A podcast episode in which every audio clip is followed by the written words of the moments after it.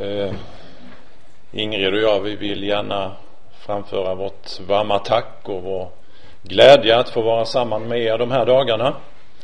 Eh, vi bodde ju i Norge under åren 1975 till 79 och har väldigt många goda minnen från den tiden. Och det är på något sätt att det är en positiv och god nostalgi vi får uppleva och få vara samman med er här Dock nu så långt upp i Norge där vi aldrig var under de åren. Men det är ju ett och samma land och samma folk och samma mentalitet och samma välsignelse som vi får erfara. Det tackar vi Gud för. Så har vi fått en, eh, ett, ett tema, ett ämne den här stunden. Guds vilja idag, etiska utfordringar. Och vi vill innan vi går vidare be att Gud leder oss in i detta ämne. I Bibelns, i ordets ljus. I Faderns och Sonens och den helige Andes namn. Vi tackar dig Gud vår Fader att vi också idag genom ditt ord får vara förvissade om din vilja. Du som vill att alla människor ska bli frälsta och komma till insikt om sanningen. Så tackar vi dig för att du i ditt ord också har uttryckt din vilja, din plan med våra liv, vår livsförsel i samhälle, i kyrka, i våra personliga liv, familjer. Och så får vi bekänna, Herre, att vi lever i en tid av ett kaos där dina ordningar försummas, negligeras och nonchaleras. Och Herre, vi är en del av detta. Vi bekänner det och vi ber, Herre, att du i din nåd och barmhärtighet förbarmar dig över oss. Att vi får ljus över dina goda ordningar, du som inte är oordningens utan fridens Gud. Herre, ge oss detta ljus i ditt ord. Kom, gode helige Ande, och uppenbara sanningen för oss, oss till frälsning och ditt namn och Gud, till pris och ära. Amen.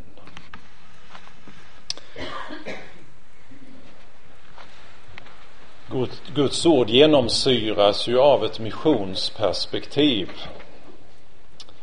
Gud är den frälsande guden, där sändandet är i fokus. Vi kommer ihåg vad Jesus säger, som Fadern har sänt mig, så sänder jag också er, säger han till apostlarna. Och detta sändarperspektivet, det finns där genomgående i skriften. Under de senare åren så har jag arbetat lite med detta. Jag undervisar ju lite grann på eh, församlingsfakulteten i Göteborg i missionsvetenskap och försöker att jobba en del med det ämnet och eh, har försökt att tränga in och läsa på Bibelns budskap med tanke på två anliggande, två perspektiv som kanske inte så ofta lyfts fram i förkunnelse i undervisning men också som hör missionsperspektivet till. Eh, dels missionsuppdraget i möte med lidande och förföljelse. Och det finns några böcker som starkt eh, lyfter fram detta. Jag tänker på Hebreerbrevet och första Petrusbrev och också naturligtvis Uppenbarelseboken. Missionsuppdraget i möte med lidande och förföljelse. Det andra, och det är där vi ska landa idag med tanke på temat, det är missionsuppdraget i möte med falsk lära och omoral missionsuppdraget i möte med falsk lära och omoral. Och det tror jag det är mitt in i vår nordiska situation. Och det är två böcker, eller tre böcker egentligen, som på ett påtagligt sätt lyfter fram dessa perspektiv. Jag tänker på andra Petrusbrevet som vi så småningom ska studera en del. Och också Judas brev som bara har ett enda kapitel. Och också i viss grad både alla de tre Johannesbreven.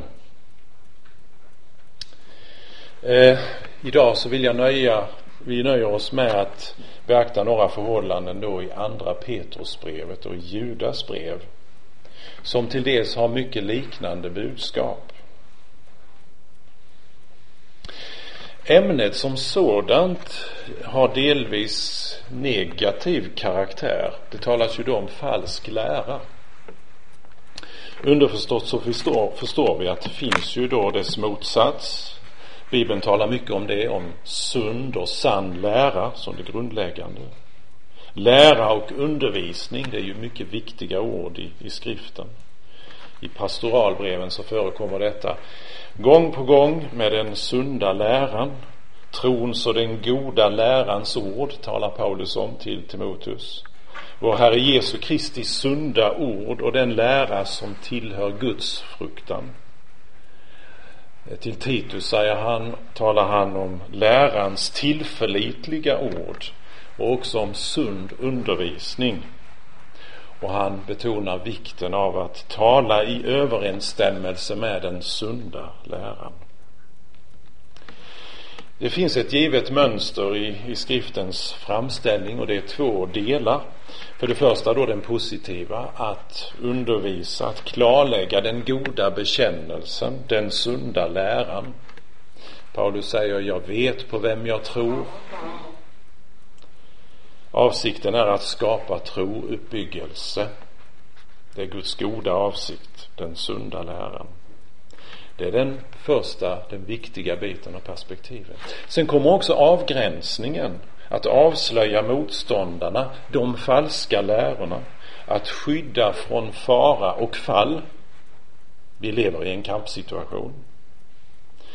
I Titusbrevet, det första kapitlet, så talas det om församlingsledarens uppgift och ansvar. Och där lyfts båda dessa två perspektiven fram. För det första att hålla sig till lärans tillförlitliga ord.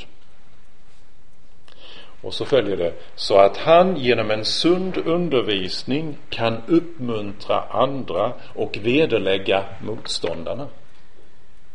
Ser ni den dubbla karaktären?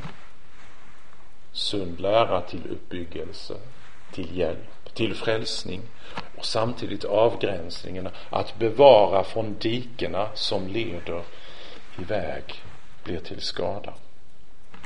I Judas brev så talas det också inledningsvis om detta, om denna lära. Han säger att han med stor iver har velat skriva om vår gemensamma frälsning. Och så fortsätter han. Han finner det dock nödvändigt att skriva och uppmana att fortsätta kampen för den tro som en gång för alla har överlämnats åt de heliga. Det är Judasbrevet, vers 3. Jämför vi med andra Petribrevets eller eh, andra Petribrevets första kapitel som också lyfter fram liknande perspektiv så talas det där, inskärps det med tydlighet den givna gudsuppenbarelsen om den fruktbara kunskapen.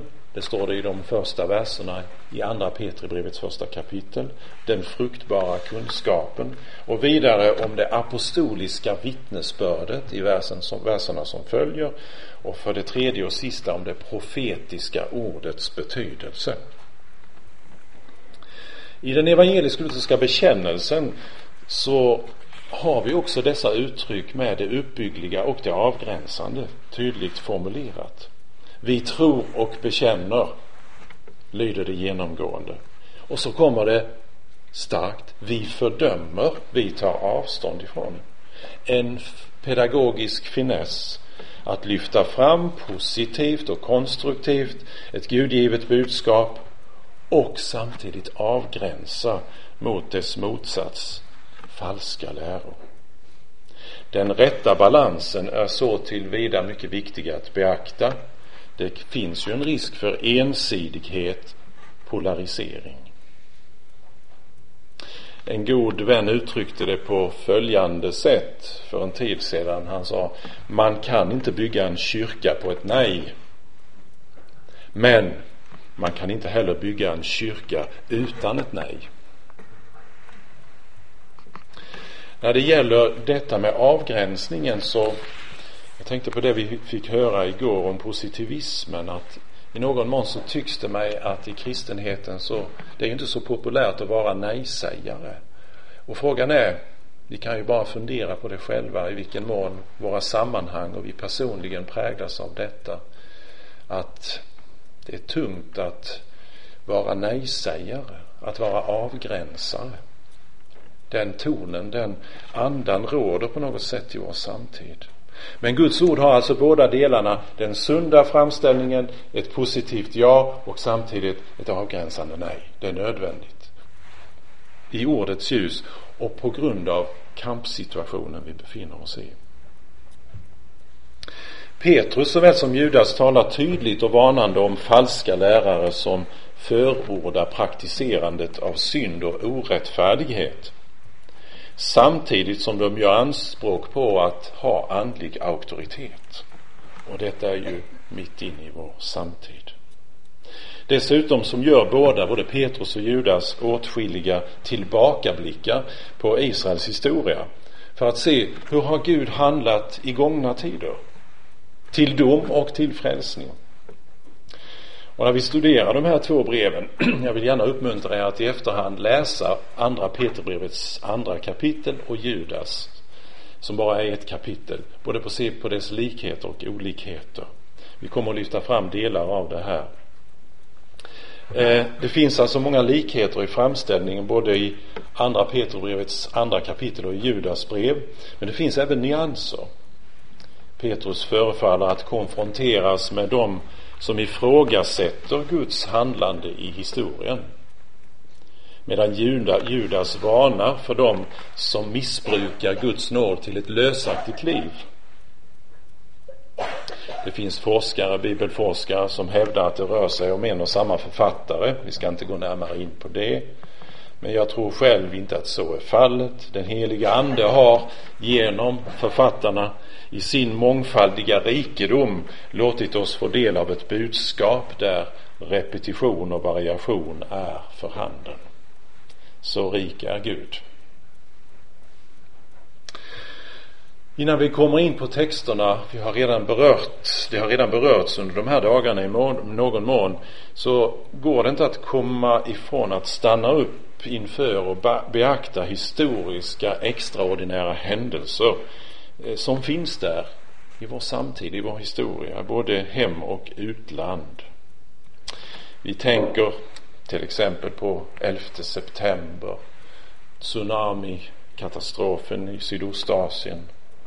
I Sverige har vi under ett antal år haft väldigt kraftiga blåsväder som skapat kaos och katastrofer i svenska skogar. Jag vet, minns inte i vilken mån det drabbade Norge också. Ni har fått er beskärda del. Jag tänker på det som hände för ett år sedan. Och så uppstår dessa frågor som redan har lyfts fram och berörts. Skulle Gud ha något med detta att göra?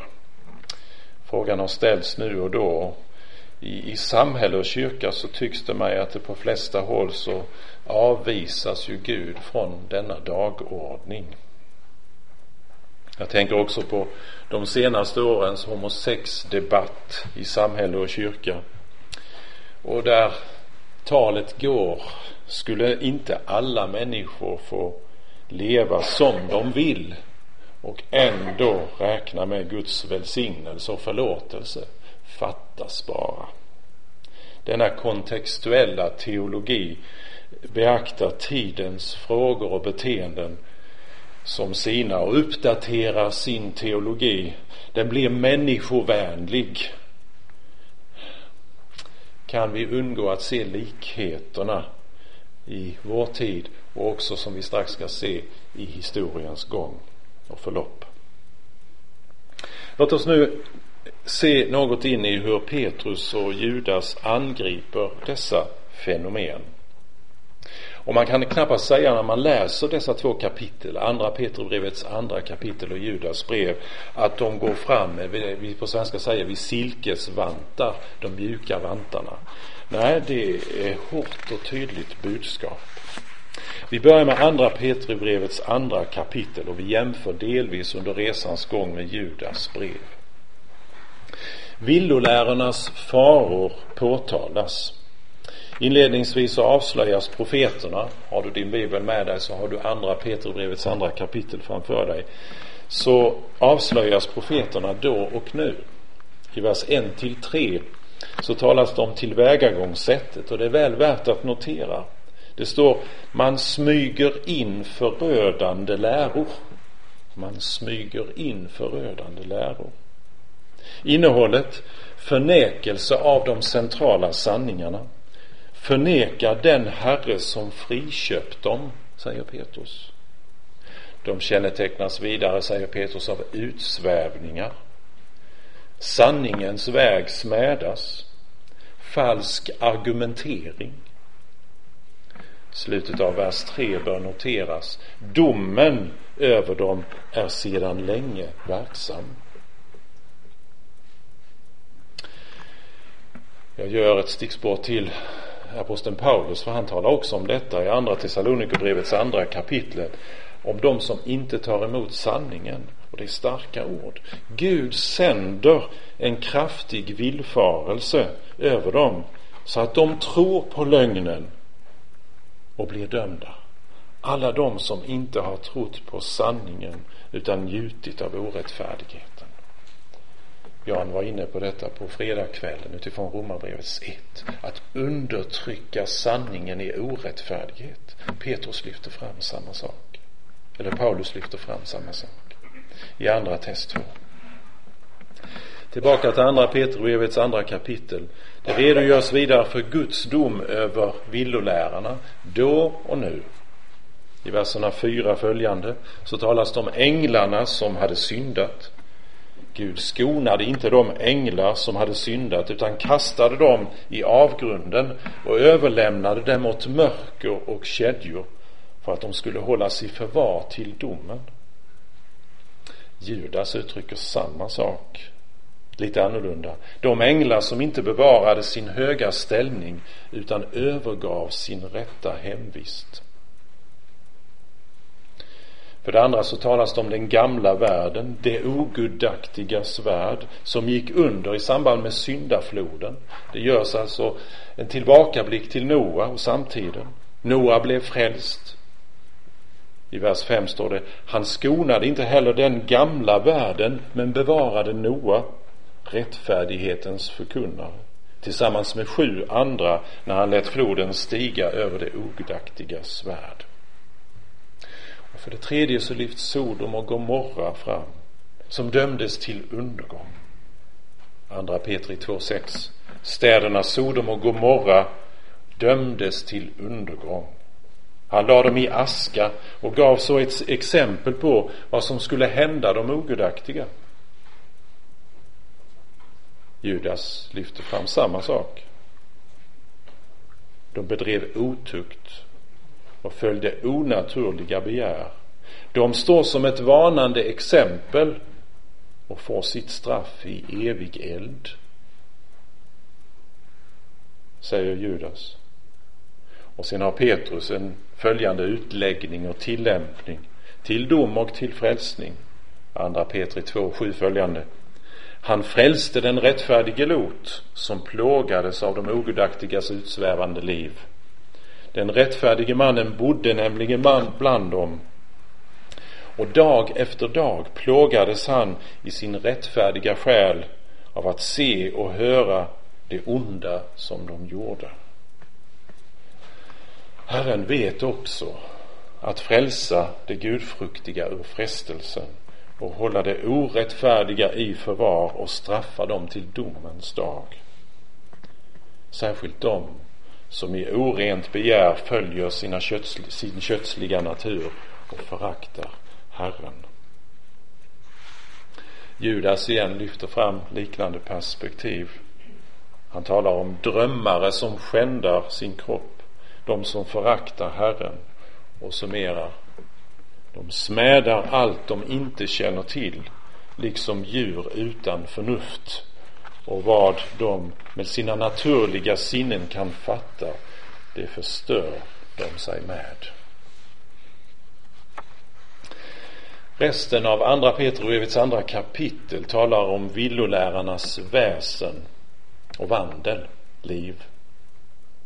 Och det är ingen vacker katalog att läsa. Det orättfärdiga, ogudaktiga, otuktiga livet är i fokus. Jag vill bara citera vers 13 och 14 och sen 17 till 22. Det är den rätta lönen för deras laglöshet, onda som de är. De njuter av att festa mitt på ljusa dagen. De är smutsfläckar och skamfläckar där de vid sina kärleksmåltider festar och frossar tillsammans med er.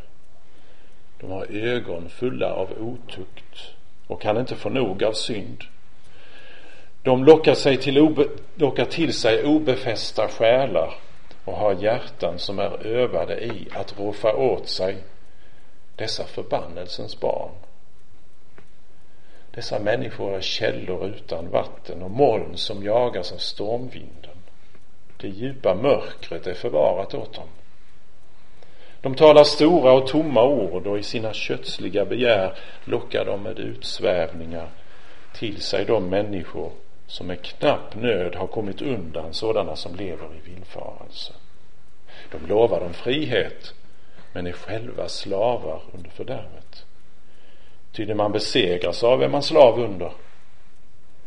När de har lärt känna vår Herre och Frälsare Jesus Kristus och undkommit världens smitta men sedan återlåter sig snärjas, besegras av den, då har det blivit, det sista blivit värre än det första. Det hade varit bättre om de aldrig hade lärt känna rättfärdighetens väg än att lära känna den och vända sig bort från det heliga budskap som överlämnats till dem. Det har gått med dem som det heter, som det står i ordspråket, en hund vänder om till sina spyor och ett rentvättat svin vältrar sig i smutsen. Så långt Petrus vittnesbörd om villoläran och dess konsekvenser också med tanke på det etiska livet. Några exempel också från Judas brev. Vi har redan antytt detta med kampen för den sunda läran.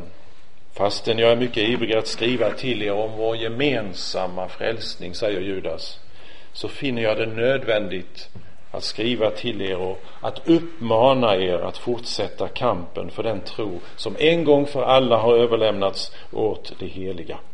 Och så följer det, för nu är det ett problem. Hos er har det nästlat sig in vissa personer. Om dem är det redan för länge sedan skrivet att de skulle drabbas av domen.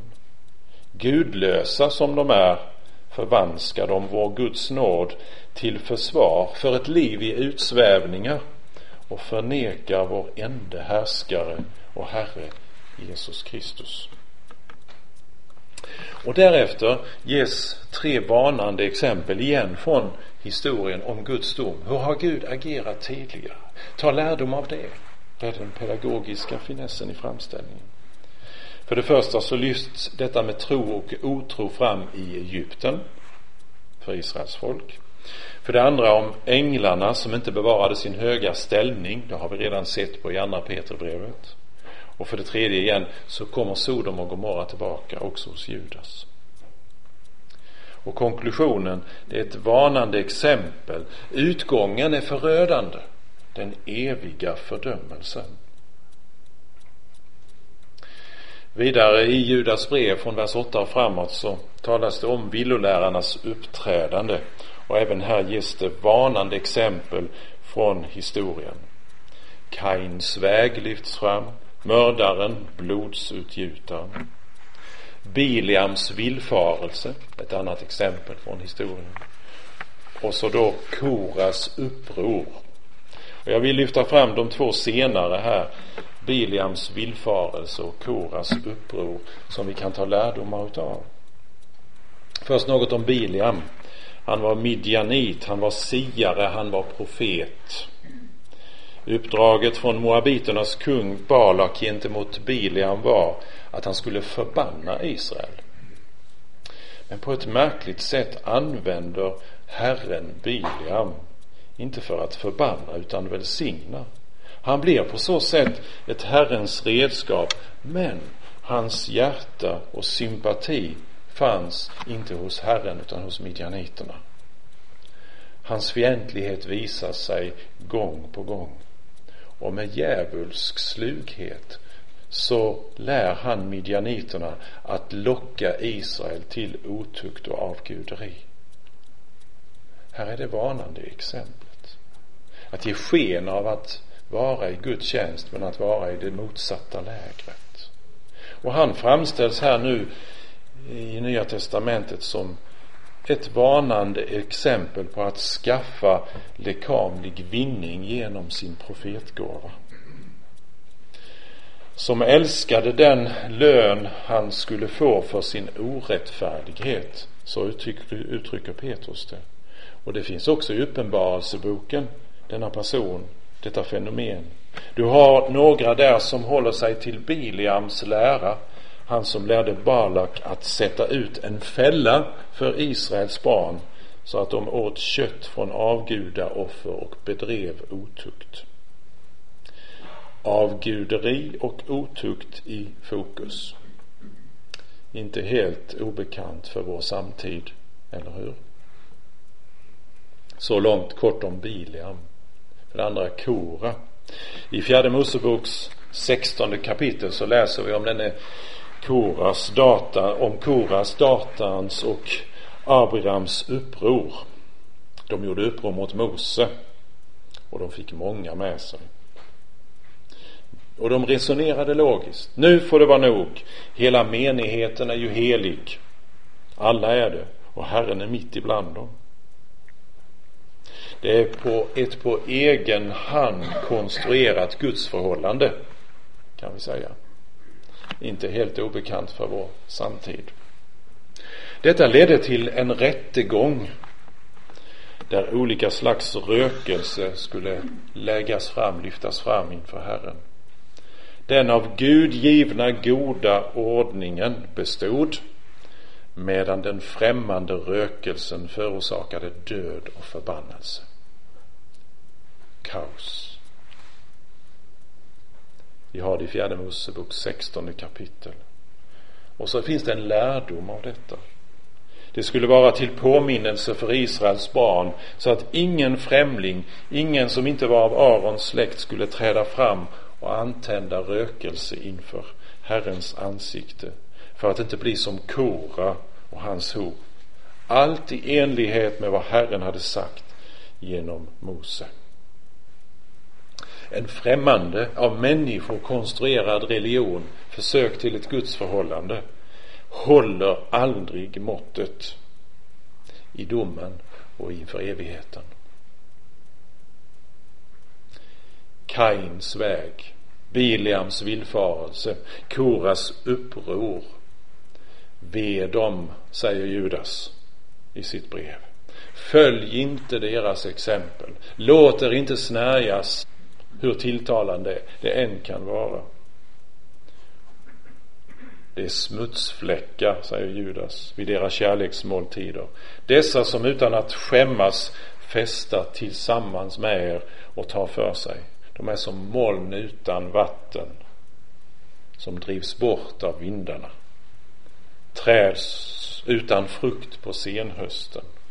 Dubbelt döda, uppryckta med rötterna. Vilda havsvågor som kastar upp sina skändliga skum. De är irrande stjärnor åt vilka det svarta mörkret är förvarat för evigt. Det är starka uttryck Judas använder.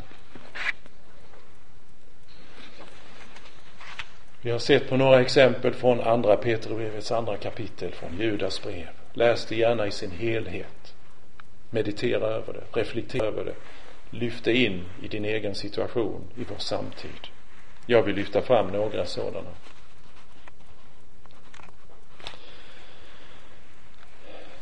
För eh, några år sedan så i Svenska kyrkan så finns det något som heter kyrkomötet. Så var frågan då om homosexualitet naturligtvis uppe och framme. Och då lyftes det fram och beslutades det om fyra bejakanden. Och det gäller ju egentligen djupast sett i Guds sorts ljus att välsigna synd. Jag citerar från de fyra statement som finns för det första, det är uteslutet att fördöma den homosexuella personen eller att skuldbelägga den homosexuella orienteringen. För det andra, kyrkan ska aktivt motverka diskriminering av personer på grund av sexuell orientering. För det tredje, Svenska kyrkan bör inte sanktionera eller driva en organiserad verksamhet i syfte att bota homosexuella från deras läggning. Och för det fjärde, homosexuell orientering eller ett liv i partnerskap är inte ett motiv för att vägras vigning till kyrklig tjänst. Detta bejakades av en majoritet i kyrkomötet, dock inte av alla. Och under de senaste åren så har i debatten lösaktigt liv i kyrkligt sammanhang, i kristligt, kristet sammanhang försvarats. I Socialdemokratiska ungdomsförbundet, det är väl motsvarande Arbeiderpartiet i Norge tror jag, så uttrycktes det på följande sätt. Man skrev en protestlista mot eh, att den som var emot dessa antagna formuleringar som det är majoritetsbeslut för då, de skulle avkragas, lyftas ut från sammanhangen. Alltså präster som, som inte hade denna uppfattningen. Jag citerar så som det stod skrivet i en tidning. Man borde utgå från att alla får syndernas förlåtelse och att alla också kommer till himlen. Flertalet människor syndade i Bibeln men fick syndernas förlåtelse ändå. Det självklara av syndaförlåtelsen och sen lever vi i princip som vi vill. Och på detta sätt tänker och handlar dessvärre många i Sverige, ja vi får väl säga i större eller mindre grad i våra nordiska länder, i samhälle och kyrka. Vad säger Petrus, vad säger Judas? Ja, vi har i någon mån studerat det, intressant. Läs gärna igen kapitlerna. Vi har fått anvisningar av vad som behöver sägas. Och som redan sagts, det är inte silkesvantar som används, utan det är ett tydligt klarspråk. Gud har talat. Historiens Gud, han är den levande guden. Man leker inte med honom. Domen kommer förr eller senare. Den står för, för dörren. Ja, men är detta verkligen så tydligt i skriften? Kanske frågan kommer att uppstå. Är det så hårt, så tufft uttryckt? Nu är det ju så att det inte bara Petrus och Judas som är ensidiga i denna framställning. Nej, aposteln Paulus är inne på samma spår när han varnar för tendenser i just den yttersta tiden. I andra Timoteusbrevets tredje kapitel jag citerar därifrån. Han säger, du ska veta att i de sista dagarna ska det komma svåra tider. Människorna kommer att älska sig själva, vara penningkära, skrytsamma, stolta, hånfulla, olydiga mot sina föräldrar, otacksamma, gudlösa, kärlekslösa, oförsonliga, skvalleraktiga, obehärskade, råa, fientliga mot det goda, falska, egensinniga och högmodiga. De ska älska njutning istället för Gud och ha ett sken av Guds fruktan men förneka dess kraft. Listan är lång. Och så kommer det. Håll dig borta från dem. Följ inte deras exempel. Tala om etiska utmaningar i vår samtid. Tillbaka till Judas. Han har pastorala råd också att ge som väl är efter att han har brett ut detta kaos. Och det tackar vi Gud för. Han har förmaningar till trons folk i en svår tid. Det finns en väg för Guds folk. Och då kommer uppmaningen. Och då är det konstruktivt uppbyggligt igen. Men ni, mina älskade, kom ihåg vad som är förutsagt av vår Herre Jesu Kristi apostlar. De sa till er, i den sista tiden ska det finnas människor som hånar och följer sina egna gudlösa begär. Det är dessa som vållar splittring. De som är oandliga, som inte har Guds ande. Men ni, mina älskade, ni ska uppbygga varandra på er allra heligaste tro. uppbygga varandra på er allra heligaste tro. Be i den heliga ande. Håll er kvar i Guds kärlek medan ni väntar på vad Herre Jesus Kristus i sin barmhärtighet som ska ge er evigt liv. Sådana som tvivlar ska ni vara barmhärtiga mot och frälsa genom att rycka dem ur elden. Mot andra ska ni också vara barmhärtiga, dock med fruktan, så att ni till och med avskyr deras livklädnader som är nersmutsade av köttet. En märklig formulering och precisering för Guds folk att gå vägen fram i en svår tid. Och här är vägen, tycks det mig, så oerhört smal. Å ena sidan så ska vi alltså inte isolera oss och förflytta oss ut ifrån samhället utan ska vara kvar i den, dock inte följa med den. Vi, vi ska finnas där, vara närvarande och samtidigt vara observanta på att vi inte följer med den stora strömmen utan går i dess motsatta riktning. Och så ska vi vara närvarande bland människor som är i påtaglig utsatt fara. Sådana som ni tvivlar emot ska ni vara barmhärtiga mot och frälsa genom att rycka dem ur elden. Det är några som är på riskvägen att gå förlorade. De måste räddas, förflyttas tillbaka till grunden som bär framåt och hemåt. Mot andra ska ni också vara barmhärtiga. Men så kommer igen aspekten, se upp. Fruktan, se till. Så att ni till och med avskyr deras livklädnad som är nedsmutsad av köttet. Risken, faran att närma sig in till och att vållas på fall. Ser du hur smal vägen är och dock framkomlig Och så avslutar Judas sitt brev med en lovprisning. Han som förmår bevara er från fall och ställa er inför sin härlighet, fläckfria och jublande. Den ende guden, vår frälsare genom Jesus Kristus vår Herre. Honom tillhör ära och majestät, välde och makt före alltid nu och i all evighet. Amen, säger Judas. Vi ser vilken kaotisk tid som beskrivs i det närmaste omöjlig, oframkomlig men i Guds, Guds ords ljus och på sanningens grund i Jesu Kristi gemenskap i ordet och i nådens medel närvarande framkomlig.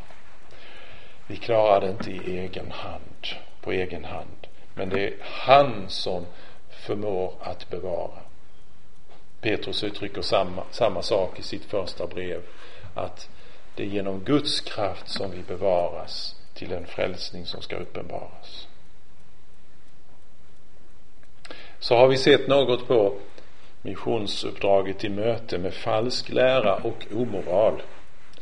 Särskilt och speciellt utifrån andra Petrusbrevet, Petrusbrevets andra kapitel och Judas brev. Så har missionens herre ett uppdrag och ett budskap också in i vår tid, det förstår vi. Fortsatt förkunnelse av Guds ord, lag och evangelium, till dom och till frälsning. Och nu gör vi inte detta bara med tanke på vår samtid och den tragik som råder ute i vår närhet, i vårt samhälle, nära och långt borta. Inte som åskådare. Saken är ju att vi är djupt involverade i detta, vare sig vi vill eller ej. Och vi är en del av förfallet. Vem är den som kan säga, sätta sig på åskådarplats och säga jag är oberörd av detta. Jag är opåverkad. Det finns med oss mer än vi tror. Och så kommer också frågan, hur har de som gått före oss betett sig i en sån kritisk situation? Våra andliga fäder. Här tänker jag på Daniel hans situation. Hur gör han med tanke på sin situation och sitt folks situation? Jo, han går in i syndabekännelse. Jag vill avslutningsvis citera något från hans bön, det är i Daniels bokens nionde kapitel, som också vi kan göra till vår bön. Vi har syndat och gjort orätt, varit ogudaktiga och upproriska. Vi har vänt oss bort från dina bud och föreskrifter. Vi har inte lyssnat till dina tjänare profeterna som talade i ditt namn till våra kungar, furstar och fäder och till allt folket i landet. Vi har syndat. Vi har varit ogudaktiga. Men Herre, för all din rättfärdighets skull, vänd din vrede och förbittring från sta, din stad Jerusalem, ditt heliga berg. Och lite längre fram ber Daniel. Det är inte på grund av vår rättfärdighet utan på grund av din stora barmhärtighet som vi kommer inför dig med våra böner. O Herre, hör. Herre, förlåt. Herre, lyssna och utför ditt verk utan att dröja. För din egen skull. Du min Gud, till din stad och ditt folk är uppkallade efter ditt namn. Så långt Daniels bön i kapitel 9. Vi kallas in till bot och bättring, till omvändelse, personligen, som Guds folk och att vara ljus och salt i den värld som går mot förruttnelse och död. Och så åberopas från Daniels sida Guds löften. Det är det enda som vi vågar trygga oss till i en svår tid. Ja, ära vare Fadern och Sonen och den helige Ande så som det var av begynnelsen, nu är och skall vara från evighet till evighet. Amen.